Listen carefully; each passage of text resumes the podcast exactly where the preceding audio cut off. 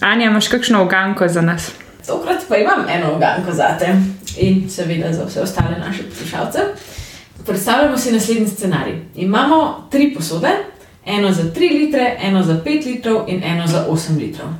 In v 8-litrski posodi imamo do vrha napolnjeno z metinim čajem. In zdaj si želimo teh 8 litrov razdeliti v dve posodi po 4 litre, s tem, da lahko uporabljamo samo tiste posode, ki jih imamo na voljo. Kako bi to naredili? Na voljo imamo torej eno posodo prazno s 5 litri, Ja, eno posodo s 3 litri Ja. in polno 8-litrsko tako čaja.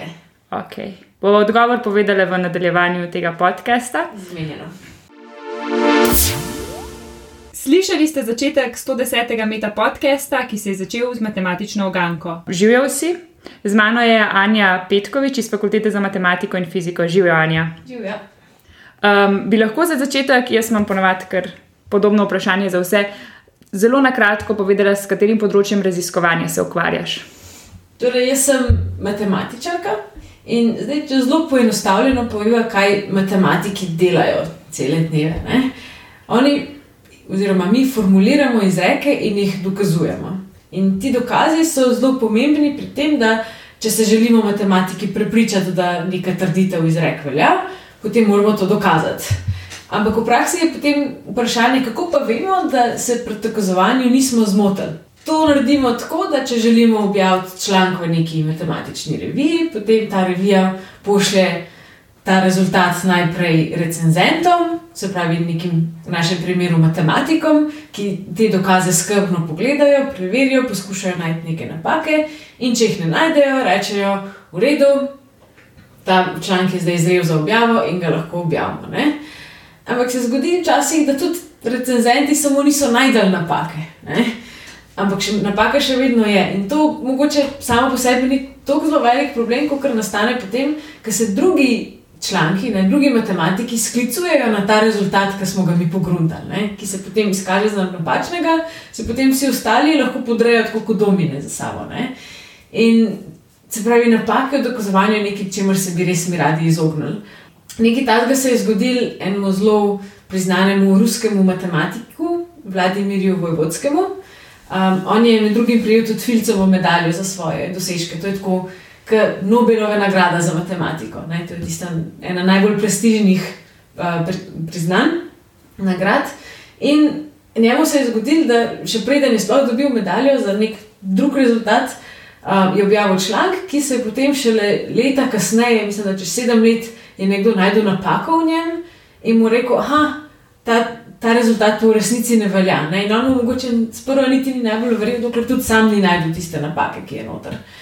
In takrat se je v bistvu odločil, da hm, mogoče pa ni dobro, če ljudje preverjamo dokaze za drugimi matematiki, da imamo to v računalnik. Ne? In takrat se je v bistvu zelo razmahnilo um, to področje uh, računalniških uh, dokazovalnikov oziroma dokazovalnih pomočnikov. Ne? To so v bistvu taki, kot um, programska oprema, neko urodje, kjer matematiki lahko dokazujemo svoje dokaze, tako da jih računalnik za nami preverja. Ne, ne, more, ne zna jih večinoma še sam dokazati in verjetno jih tudi še zelo dolgo časa ne bo, ampak lahko pa preverja našo logiko sklepanja, tiste sklepe, ki smo jih naredili, in se pritoži, če smo naredili neko napako. Ne. In, um, s tem se v bistvu jaz nekako ukvarjam, to je to širše področje. Um, zdaj, takih dokazovalnih pomočnikov je zdaj že kar nekaj in večinoma slonijo na teoriji tipov. To je kot nekakšna alternativa s teorijo množic, pa logiki prvega reda, ki v bistvu v kateri sklepamo. Ne? Teorija tipov je še ena teorija, s katero lahko sklepamo, ki je pa nekako zelo ugodna za te dokazovalne pomočnike.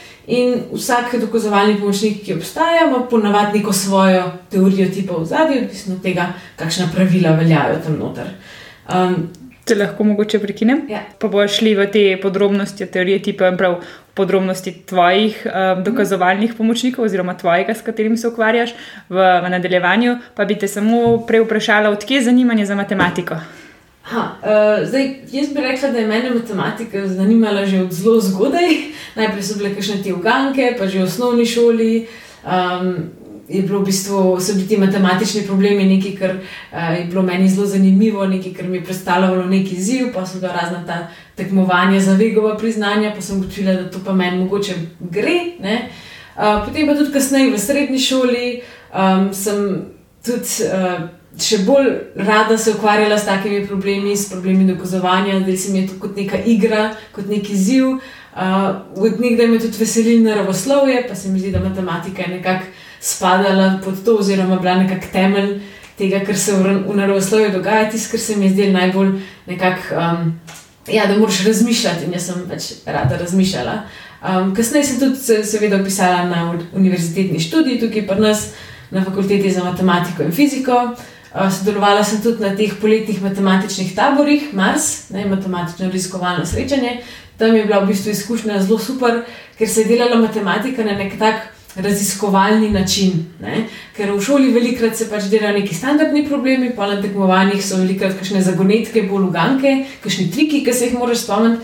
Tam se je pa delal, na, na taboru smo pa res delali tisto, kar potem matematiki tudi počnemo. Ne? Se pravi, raziskujemo nove teorije, probamo dokazati izreke, se nekako. V tem napiše nek povzetek, nek članek, in smo se tudi malo naučili, kako ta del raziskovanja deluje. Okay. Uh, si kar predstavljam, ja, da v, bistvu v šoli ne dobimo res pravega, pravega um, občutka za to, kaj matematika je, ja, še posebej, ja. če, če, bi ga, če bi jo želel uporabljati, oziroma iti v raziskovanje na področju matematike. Uh, Okay, torej, eh, prej v opisu, ko sem te prekinila, si nekako pisala, da je kako pomembno je to preverjanje dokazov za določene matematične izreke. In seveda praviš, da ni dovolj, da samo nekdo nekaj dokaže, ampak mora nekdo iti za njim in, oziroma za njo in preveriti, če vse to drži. Um, nek primer si že. Nek primer si že omenila, torej tega gospoda, ki je dobil ja. neko večjo nagrado. Ampak je veliko takih primerov, se veliko krat to zgodi v matematiki? Ja, v resnici vsak dokaz, ki ga napišemo dol, je izpostavljen nekim napakam. Ne? Zdaj, če je dokaz dolg dve vrstici, kot je recimo pač Euklidov dokaz, da je praštevil neskončno, potem je priložnosti za napako nekako manj.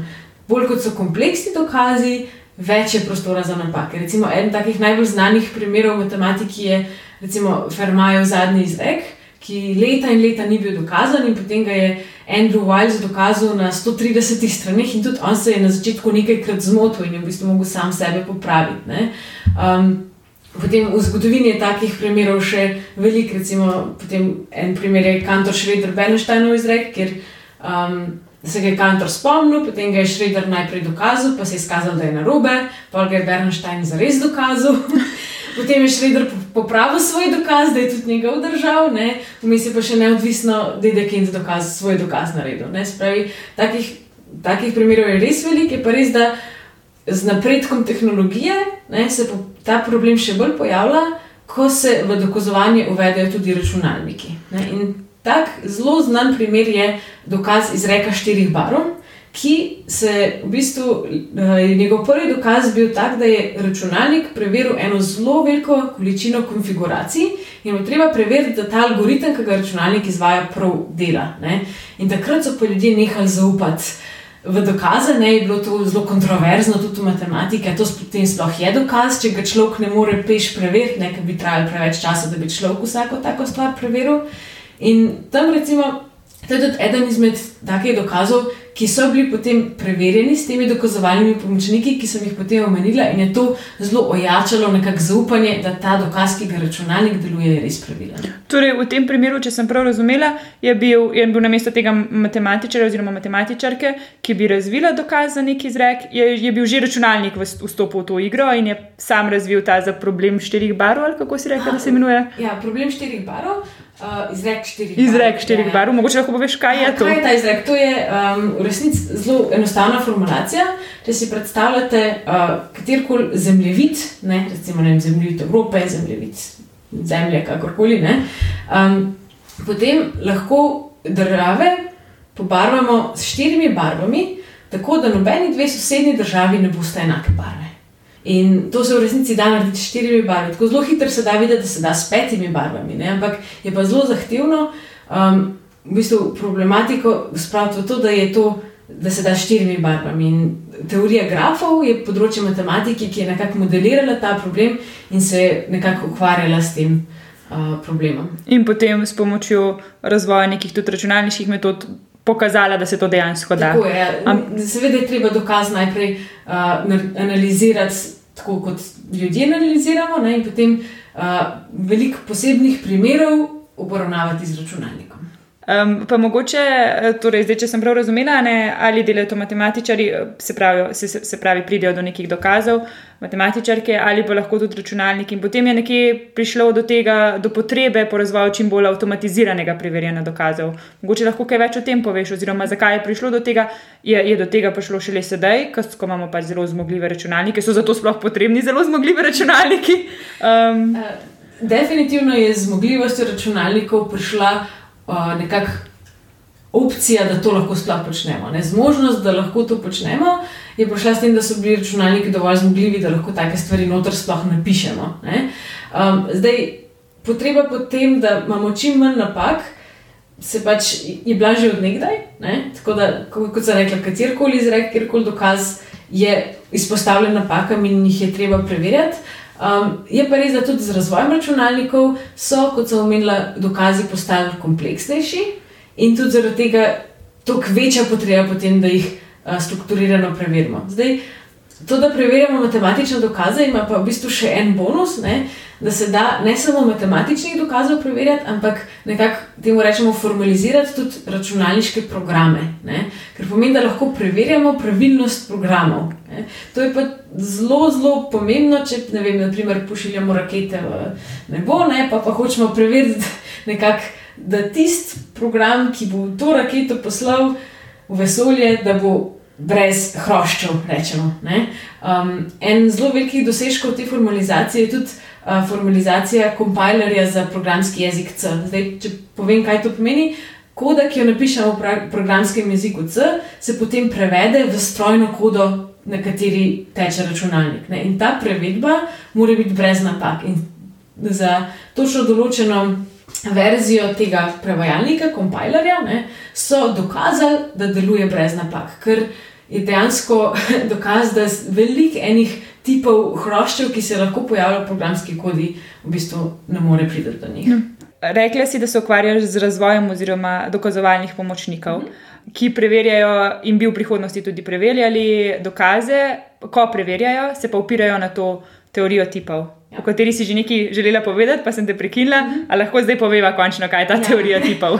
Zdaj, na vprašanje, kaj je teorija tipov, je zelo težko odgovoriti. En izmed razlogov je zato, ker že v naši skupnosti ni definicija še povsem čist natančno uh, definirana, obstaja več različic, pa se nekako še pogovarjamo, ampak neka intuicija v zadnji je pa skupna. Ne? Zdaj, kot sem že začela govoriti, teorija tipov je kot nekakšna alternativa teoriji množic, um, za osnovo matematike. Ne, se pravi, ponavadi večina matematikov uporablja teorijo množic kot nekaj, s čimer lahko potem izrazijo vse ostale stvari, kaj je to funkcija, kaj je to relacija. Lahko mogoče poslušalke in poslušalce samo spomnimo, kaj je teorija množic. Aha, um, to je zelo dobro vprašanje. Um, teorija množic se v resnici opira na to, da je množica osnovni konstrukt z relacijo, da je neki je element množice ne, in da uh, prek axiomov, ki veljajo za teorijo množic, imamo razne uh, o potenčni množici in tako naprej. Paru, axiom o ekstenzionalnosti, ki ti pravi, da sta dve množici enaki takrat, ko imata enake elemente. Ne s takimi aksiomi potem lahko vso ostalo matematiko nekako zgradimo iz teh zelo osnovnih stvari. To je nekako bistvo te teorije množic. In um, ja, imamo pa tudi druge teorije, ki lahko prav tako služijo kot osnove matematike. In ena izmed takih množnih teorij je ta teorija tipov, ki je prikladna zelo zato, ker je zelo lahko tudi v njej delati um, programe oziroma programirati. Ne, nekako je nastajala usporedno z razvojem računalništva. Um, zdaj, kaj točno je teorija tipov?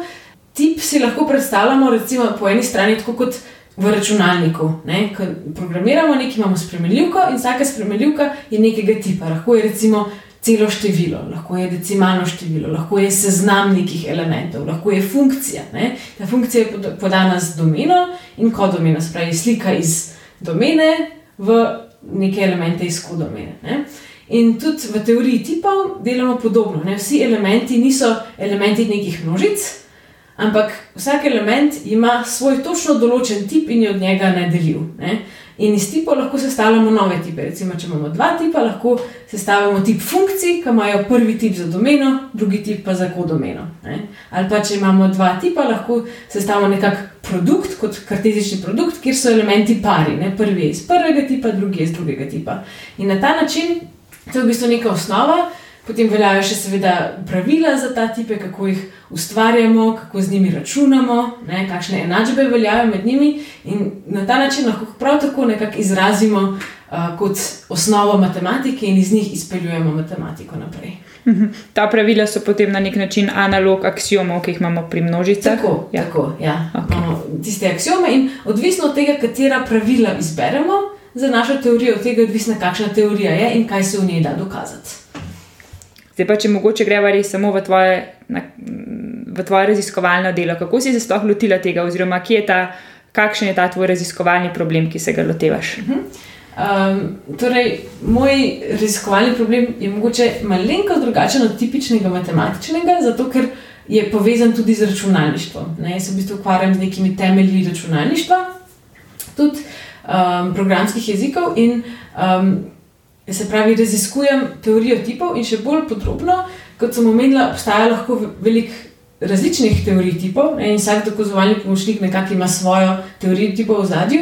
Jaz konkretno se ukvarjam, kako te teorije tipov med sabo nekako povezati, oziroma kako prevajati dokaze iz ene teorije tipov v drugo teorijo tipov.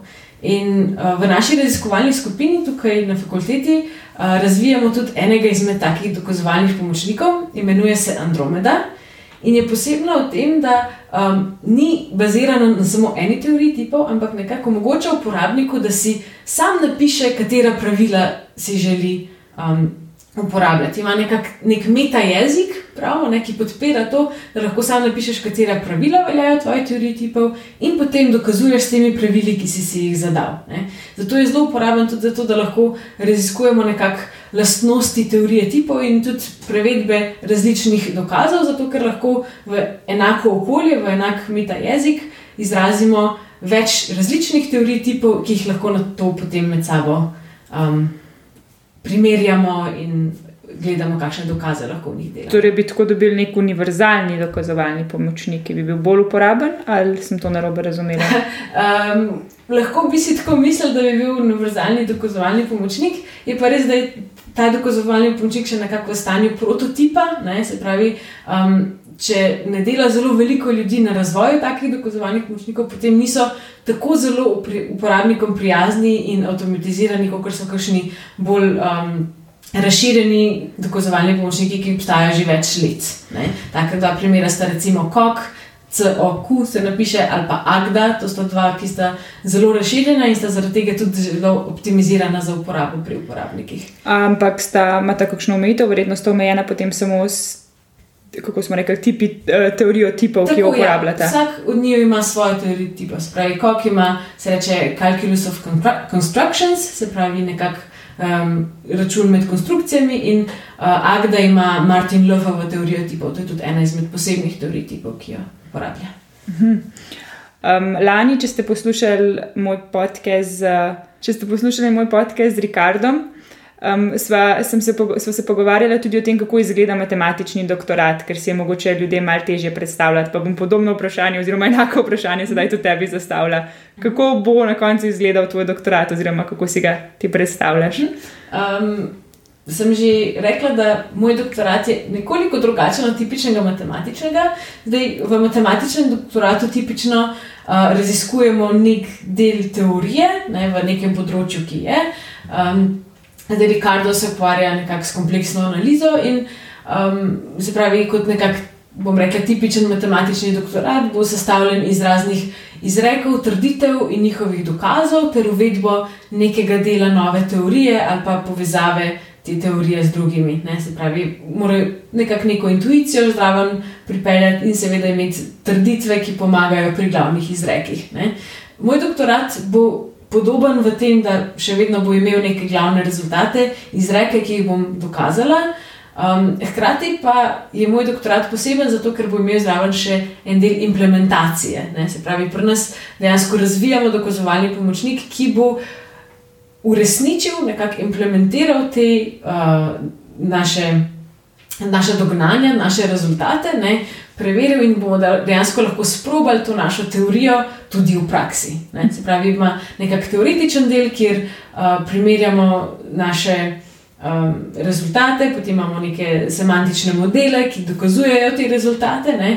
in hkrati imamo tudi implementacijo, čist konkretne računalniške programe, ne? neko programsko kodo, ki jo jaz pišem v svojo raziskovalno skupino, ki bo te naše rezultate nekako testiral v praksi.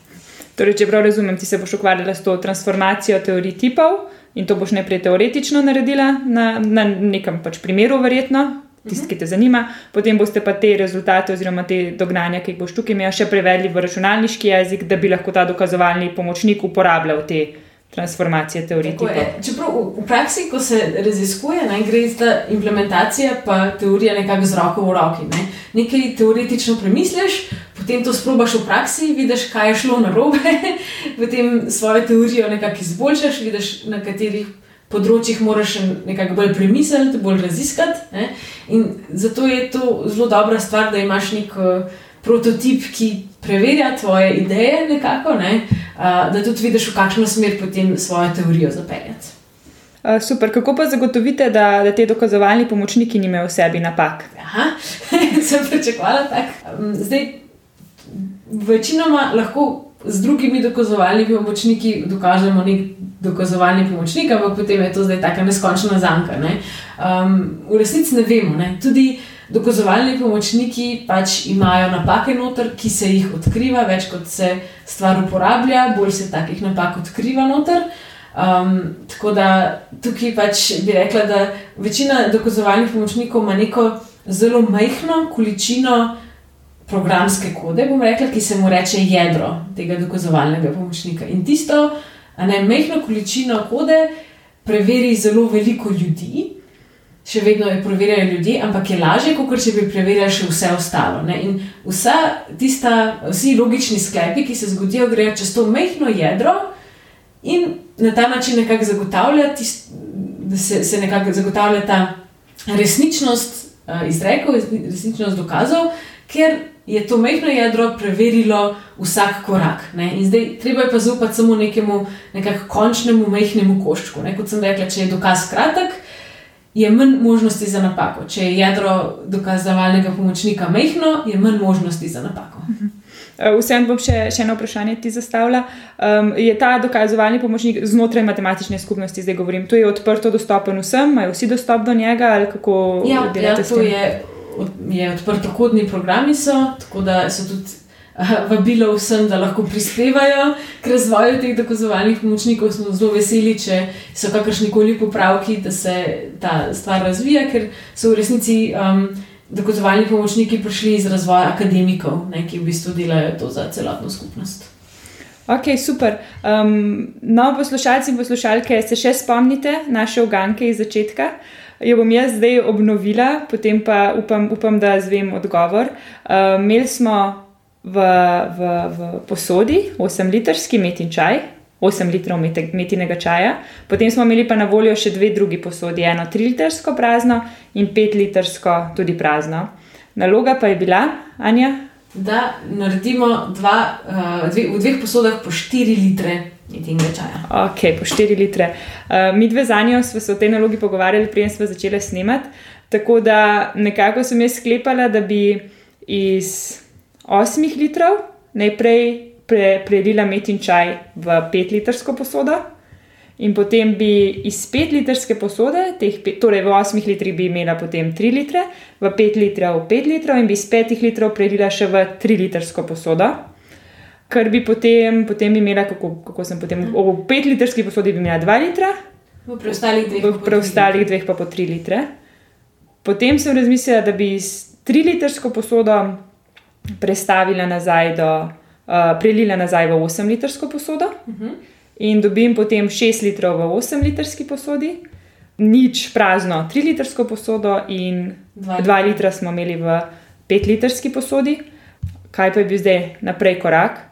zdaj bi pa iz, zdaj, zdaj bi pa iz teh dve, te dva litra, ko torej zdaj sem določila neko manjšo število, bi prelila jih v tri litrsko posodo, še zmeri bi vedela, da sta pač noter dva litra, in potem bi prišla do tega, da imam prazno pet litrsko posodo, šest litrov imam v osem litrski posodi in dva litra metinega čaja imam v tri litrski posodi, pri čemer bi sedaj iz tiste 8 litrske posode 6 litrov metinega čaja prelila v 5 litrsko posodo. Uh, in zdaj smo na koraku, ko imam 5 litrov metinega čaja v 5 litrski posodi, 2 litra v 3 litrski posodi in 1 liter v 8 litrski posodi. Tako je. In zdaj smo pa na zadnjem koraku, mhm. sem že na zadnjem koraku. Sem. Um, iz te 5 litrske bi potem dodala ta 1 liter v 3-litrsko posodo, kjer sem premjera 2 litra, potem dobim v 5 litrih končno 4 litre čaja, kar sem želela, potem moram pa samo še združiti, moram pa samo še prenesti iz 3-litrske posode te 3 litre metinega čaja v 8-litrsko posodo, kjer, kjer, čaj, kjer že čaka 1 liter metinega čaja. Tako, ja. yeah. Na koncu dobiš 4 litre, 8 litrske in 4 litre, 5 litrske posode. Odlično. In jih lahko ponudim dvem skupinam ljudi. Super. Uh, hvala za to uganko, Anja. Z veseljem. Anja, če Anja ne poznate, jaz sem jo v bistvu odkrila tako, da sem v oddaji Ugriznimo znanost, ki je predvajana ob četrtkih na uh, Radio Televiziji Slovenije na prvem programu. Um, slišala za njene matematične uganke. In zdaj bom manj še vprašala, oziroma zanima me, kako si sploh začela uh, z ugriznimo znanosti in odkje je zanimanje za uganke. No, zanimanje za uganke že vemo, da si imela že kot zelo mlada uh, deklica, ampak kako, od, kako pa potem? V resnici je prvi s temi ugankami začel Uroš Kuzman, ne, ki je seveda doktor matematike, pri nas je a, zaposlen a, tudi kot docent. Ne poučuje in hkrati tudi stand-up komik. In on je začel s to sodelovanje s televizijo, da v tej vdaji imel uganke in potem čez nekaj let, on je zelo dolgo si izmišljal te uganke in tako naprej, in potem mu je zmanjkalo na neki točki in časa in idej in tako naprej, in je iskal nekakšnega naslednika, ki bi to od njega prevzel. Zato je kontaktiral mojega mentorja ki se je pa spomnil, da uh, bi mogoče še mene povabil zraven, zato ker v splošnem nisem imela tako zelo težav s tem javnim nastopanjem oziroma s predstavljanjem nekih matematičnih konceptov v javnosti. Uh, in potem, ko je ugotovil tudi on, da um, imam jaz nekako, bi rekel, dar za to ali kakorkoli. Ne? Se je potem prepustil meni, seveda mi on še vedno kdaj pomaga z iskanjem v gang, ker mogoče jaz nimam veliko idej ali pa še koga vprašam. Um, ampak mi je nekako spodbudil, da se jaz povežem z uh, Radio Televizijo Slovenijo in prišla tudi, um, seveda, voditeljica oddaje Renata na sestanek in smo potem nekako začeli to sodelovanje. Mi je pa zelo zabavno. No, uh, in te veseli, poči... recimo, tudi ko predstavljati matematiko v javnosti na ta način, um, jo približati ljudem, mogoče tudi? Vsekakor se mi zdi pomembno, seveda me tudi malo veseli, ne, sicer se ne bi šla tega, ampak se mi zdi pa tudi pomembno, da se trudimo to narediti. Zaradi, ker matematika je zelo zabavna in uh, se mi zdi, da če ljudje nimajo stika z njo, se jo potem nekako bojijo. Ne. Zelo hitro se jo ustrašijo, ustrašijo, če se. Uh, če rešitve ne vidijo takoj, ne? in se mi zdi, da s tem, ko uh, damo tako zabavne uganke, ko nekako poskušamo približati, kako matematiki sploh razmišljamo, uh, um, da je to nek zelo dober prispevek k naši populaciji. Velikokrat, ko se pogovarjam z ljudmi, se matematike ustrašijo, zato ker mislijo, da tudi jaz, ko dobim matematičen problem, da že takoj vidim rešitev. Ne? Pa jim jaz povem, da v resnici jaz pojma ne vem, kako bo rešitev izgledala. Ker meni nekdo nek matematičen problem pove, jaz mogoče vidim en korak naprej. Ne? In potem, ker naredim en korak, pa, pa gledam, kaj bi bil naslednji korak. Pa še zmeri skoraj do zadnjega ne vem, kakšna bo na koncu rešitev izgledala. V resnici je ta način razmišljanja tisto, kar ti matematika nekako da ne? in kar si jaz tudi prek teh um, javnih nastopanj z matematiko in predstavljanja matematike javnosti želim podariti našemu občinstvu. Um, zdaj smo pa v drugem delu pogovora, torej imamo stalno vprašanje, od sedmih si, si, jih, si, si jih izbrala pet uh -huh. in da je pa kar začeti. Torej, kako so se od upisa do danes spremenila tvoja pričakovanja glede doktorskega študija in ali bi se ponovno odločila za doktorski študij? Ja, definitivno bi se ponovno odločila za doktorski študij, predvsem zato, ker jaz sem tak nekako, bi rekla, študiozen tip človeka ne? in mi ta način ustre, učenja zelo ustreza. In se mi zdi, da doktorski študij mi vsekakor da neke te akademske svobode, mi da priložnost, da raziskujem uh, nekaj novega, nekaj, kar je nekako na robu znanega, je to zelo zanimivo. Uh, imam dobro tudi ekipo, ki pač um, raziskuje znano, imam dobrega mentorja in se mi zdi, da je meni to ena zelo lepa izkušnja. Um, pričakovanja so se pa spremenila pri tem, da sem bila v preteklosti pripričana, da tako ne vem, zakaj bi doktorski študij toliko časa trajal. V bistvu se moraš zelo dolgo izobraževati in potem na podlagi tega, da že pet let študiraš, pa še tri leta delaš doktorat, v tujini je štiri ali pa pet let. Pa sem začela delati doktorat, pa sem ugotovila, da to, da je pet let, v bistvu sploh ni tako zelo slaba ideja. Ne? Ker preden nekako uspeš um, usvojiti. Sploh področje, ne, vsaj jaz sem mogoče prihajam z tega področja, ki ni bilo tako zelo pokrito s prejšnjimi nekakšnimi predmeti na uh, dodiplomskem in magistrskem študiju, ne sem se mogla marsikaj tudi sama naučiti. Pa tudi, dokler nekako narediš svojo um, mrežo, ne, da se povežeš z drugimi raziskovalci iz področja in da lahko nadaljuješ kot samostojni raziskovalec, traja kar nekaj časa in nekaj truda. Ne. In se mi zdi, da več časa, kot imaš na doktoratu, boljšo mrežo si lahko narediš, s tem, da nisi nekako pod pritiskom, da ti bo pogodba ravno kar potekla in da se moraš nujno ukvarjati s tem, da boš vse pravočasno zaključil, ampak si lahko nekako v malce manj stresnem okolju um, to ustvariš in hkrati imaš tudi več časa, da o svojih problemih, um, ki jih rešuješ, zares dobro premisliš. Če bi imela priliko iti na kavo s predsednikom vlade ali predsednico, kogarkoli bomo že imeli, eh, ali pač politiki, eh, kaj bi mu predlagala, da izboljša na področju znanosti? Uh, jaz bi tako zelo rada šla s kakšnim politikom na kavo, pa mu povedala um, svoje predloge. Uh, Zdaj, jaz sem mnenja, da če želimo, da bodo znanosti delali tisti najbolj sposobni ljudje, pa jim moramo dati tudi zelo dobre pogoje, zato da si bojo želeli priti v to službo. In ta akademski poklic, poklic znanstvenika, včasih ni zelo, zelo um, nekako je malo omejujoč v smislu, da. Um, Je problem s tem, da se morajo recimo, znanstveniki pogosto seliti, da morajo iti iz pozdoka na pozdoka, preden sploh dobijo stalno pozicijo, ne? so tukaj pričakovanja zelo visoka, imaš pogodbe samo za določen čas, pa velikrat ta poklic ni zelo družinam prijazen. Ne? Poleg tega pa tudi, da je včasih premalo plačan v smislu. Um, v primerjavi z industrijo. Ne? Zdaj, tukaj mogoče država ne more jih veliko narediti. Jaz bi rekla, da je treba vse dati še več financiranja v znanost, ker tukaj na koncu koncev vse rešujejo. Uh, tudi problemi, ki državo zadevajo, zdaj od podnebnih sprememb do tehnoloških in tako naprej. Um, predvsem pa, da uh, bi se mogli poskrbeti, da bi ta poklic imel dobre pogoje, da bi bil družinam prijazen in predvsem to, da tudi ko se delajo neki. Razpisi za financiranje in tako naprej so usklajeni z zakonodajo. Ne? V bistvu se je že zgodilo v preteklosti in se še vedno dogaja, da je potem zaradi uh, pomanjkanja oziroma zaradi financiranja, ki je določen, samo za določen čas, potem se naprimer, ne more porodniški dopust izplačati tako, kot je treba, in potem nek raziskovalec prisiljen ne kandidirati na projektu ali pa opustiti projekt, zaradi tega, ker si želi načrtovati družino in tako naprej. Tako da jaz bi rekla, da tukaj je nekaj, kar politika vseeno ima moč da nekako um, poskrbi za to, da se razpisni pogoji ujemajo z zakonodajo, in hkrati, da je zakonodaja taka, da je to prijazen poklic. Um, bi drugim doktorskim študentom predlagala kakšno tehniko za upravljanje s časom ali pa morda računalniški program, ki ti olajša delo in ti prihrani čas? Jaz bi se mogoče bolj fokusirala na ta uh, drugi del vprašanja, na računalniški program.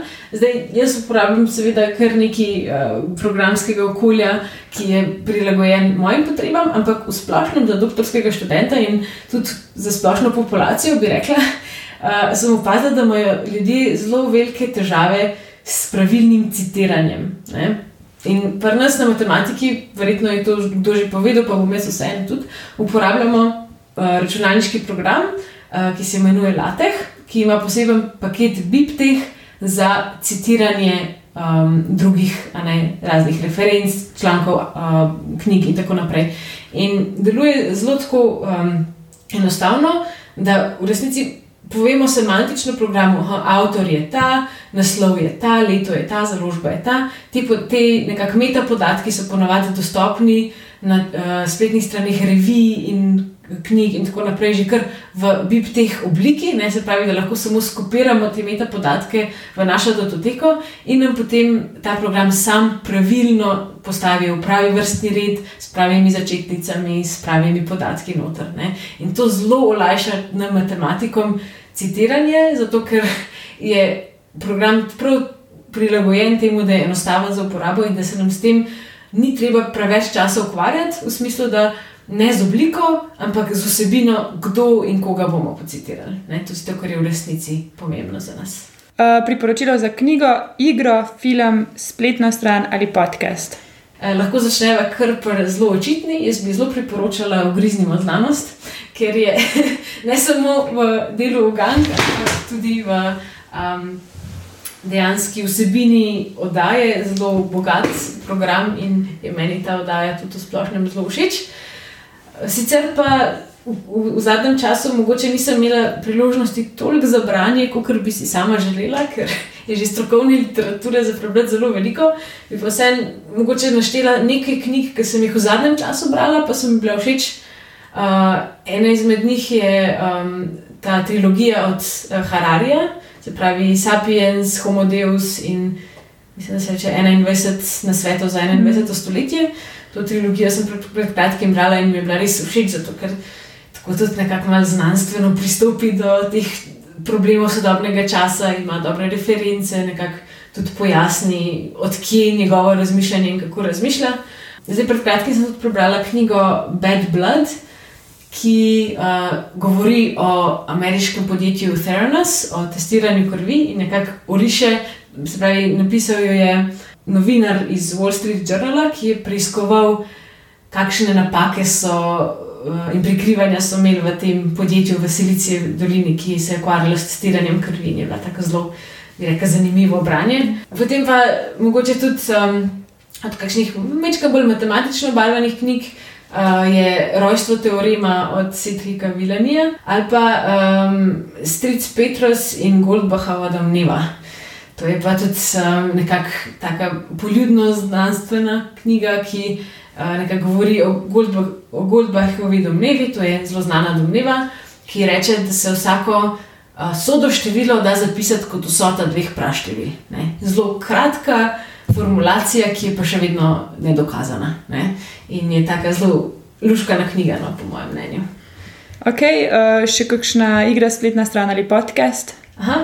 Um, od spletnih strani pač eh, bi mogoče dala eno priporočilo za programerje in sicer Project Euler. To je pa spletna stran, ki vsebuje um, kratke matematično-programerske uganke, ne, ki jih lahko zelo hitro ali pa manj hitro sprogramiramo in um, nekako spodbuja programerje, da začnejo razmišljati o inovativnih rešitvah. Tako da tiste, ki že mogoče večkrat znate programirati ali pa se šele učite, bi to priporočila kot spletna stran. Uh, koga od nam znanih ali neznanih bi povabila na večerjo, če ne bi bilo nobenih omejitev? Zdaj, tukaj imam pa jaz uh, veliko idej, pa bom naštela tri osebe, ki se mi zdijo, da bi jih z veseljem in res rada povabila na večerjo. Ena izmed njih je Sofija Kovaljevskaja, to je uh, matematičarka, ki je sicer že pokojna in tam uh, v 1870-ih letih doktorirala, je bila prva ženska, ki je doktorirala iz matematike in nekako tudi utemeljiteljica žensko v matematiki, kar v njenem času sploh ni bilo še samo umevno in bi se z veseljem z njo srečala in jo poprašala o njej. Odkud pa je bila? Uh, ruska, ruska, ruska matematičarka sicer. Ja? Um, potem druga oseba je um, Vladimir Vojvodski, ki sem ga tudi že omenila, ki je nekako tudi eden izmed um, zelo pomembnih raziskovalcev na našem področju, ki je pa žal umrl ravno takrat, ko sem začela dela, delati svoj doktorat in uh, bi se z veseljem z njim srečala. Tretja oseba, ki je pa mogoče malo ven iz teh matematičnih um, sfer, je pa Zdenjek Miller, To je pa ilustrator, ki je ilustriral um, risanko Krtek. Ne vem, če naši poslušalci to risanko poznajo. Ta risanka je že zelo stara, mislim, da je 1958 bila prva in potem so bile serije te risanke še naprej. Uh, to je bila v mojem otroštvu moja najljubša risanka in predvsem zaradi tega, ker je imelo vedno neko moralno sporočilo in je nekako zelo duh, tako, uh, hudomušno predstavil, kako pravilno naj bi ljudje ravnali, ne spravi, namenjeno je sicer otrokom, ampak jaz se večkrat prepoznam tudi v kakšnih situacijah, kako je vedno poskušal ta krtek nekako ravnati pravilno. Ne? In mi je to nekako zelo velik navdih, da se lahko nekako imaš tak močen moralni kompas, da se vedno trudiš delati tako. Da bo ljudem dobro, da si nekako dober po duši, da se trudiš tudi za druge, za svoje prijatelje, za svoje um, nekakšne so ljudi. Okay, hvala, Anja. Hvala za pozornost in poslušanje. You have been listening to Meta Podcast. Meta Podcast is a fortnightly show where we talk with doctors, students coming from diverse fields of science studying in Slovenia about their research.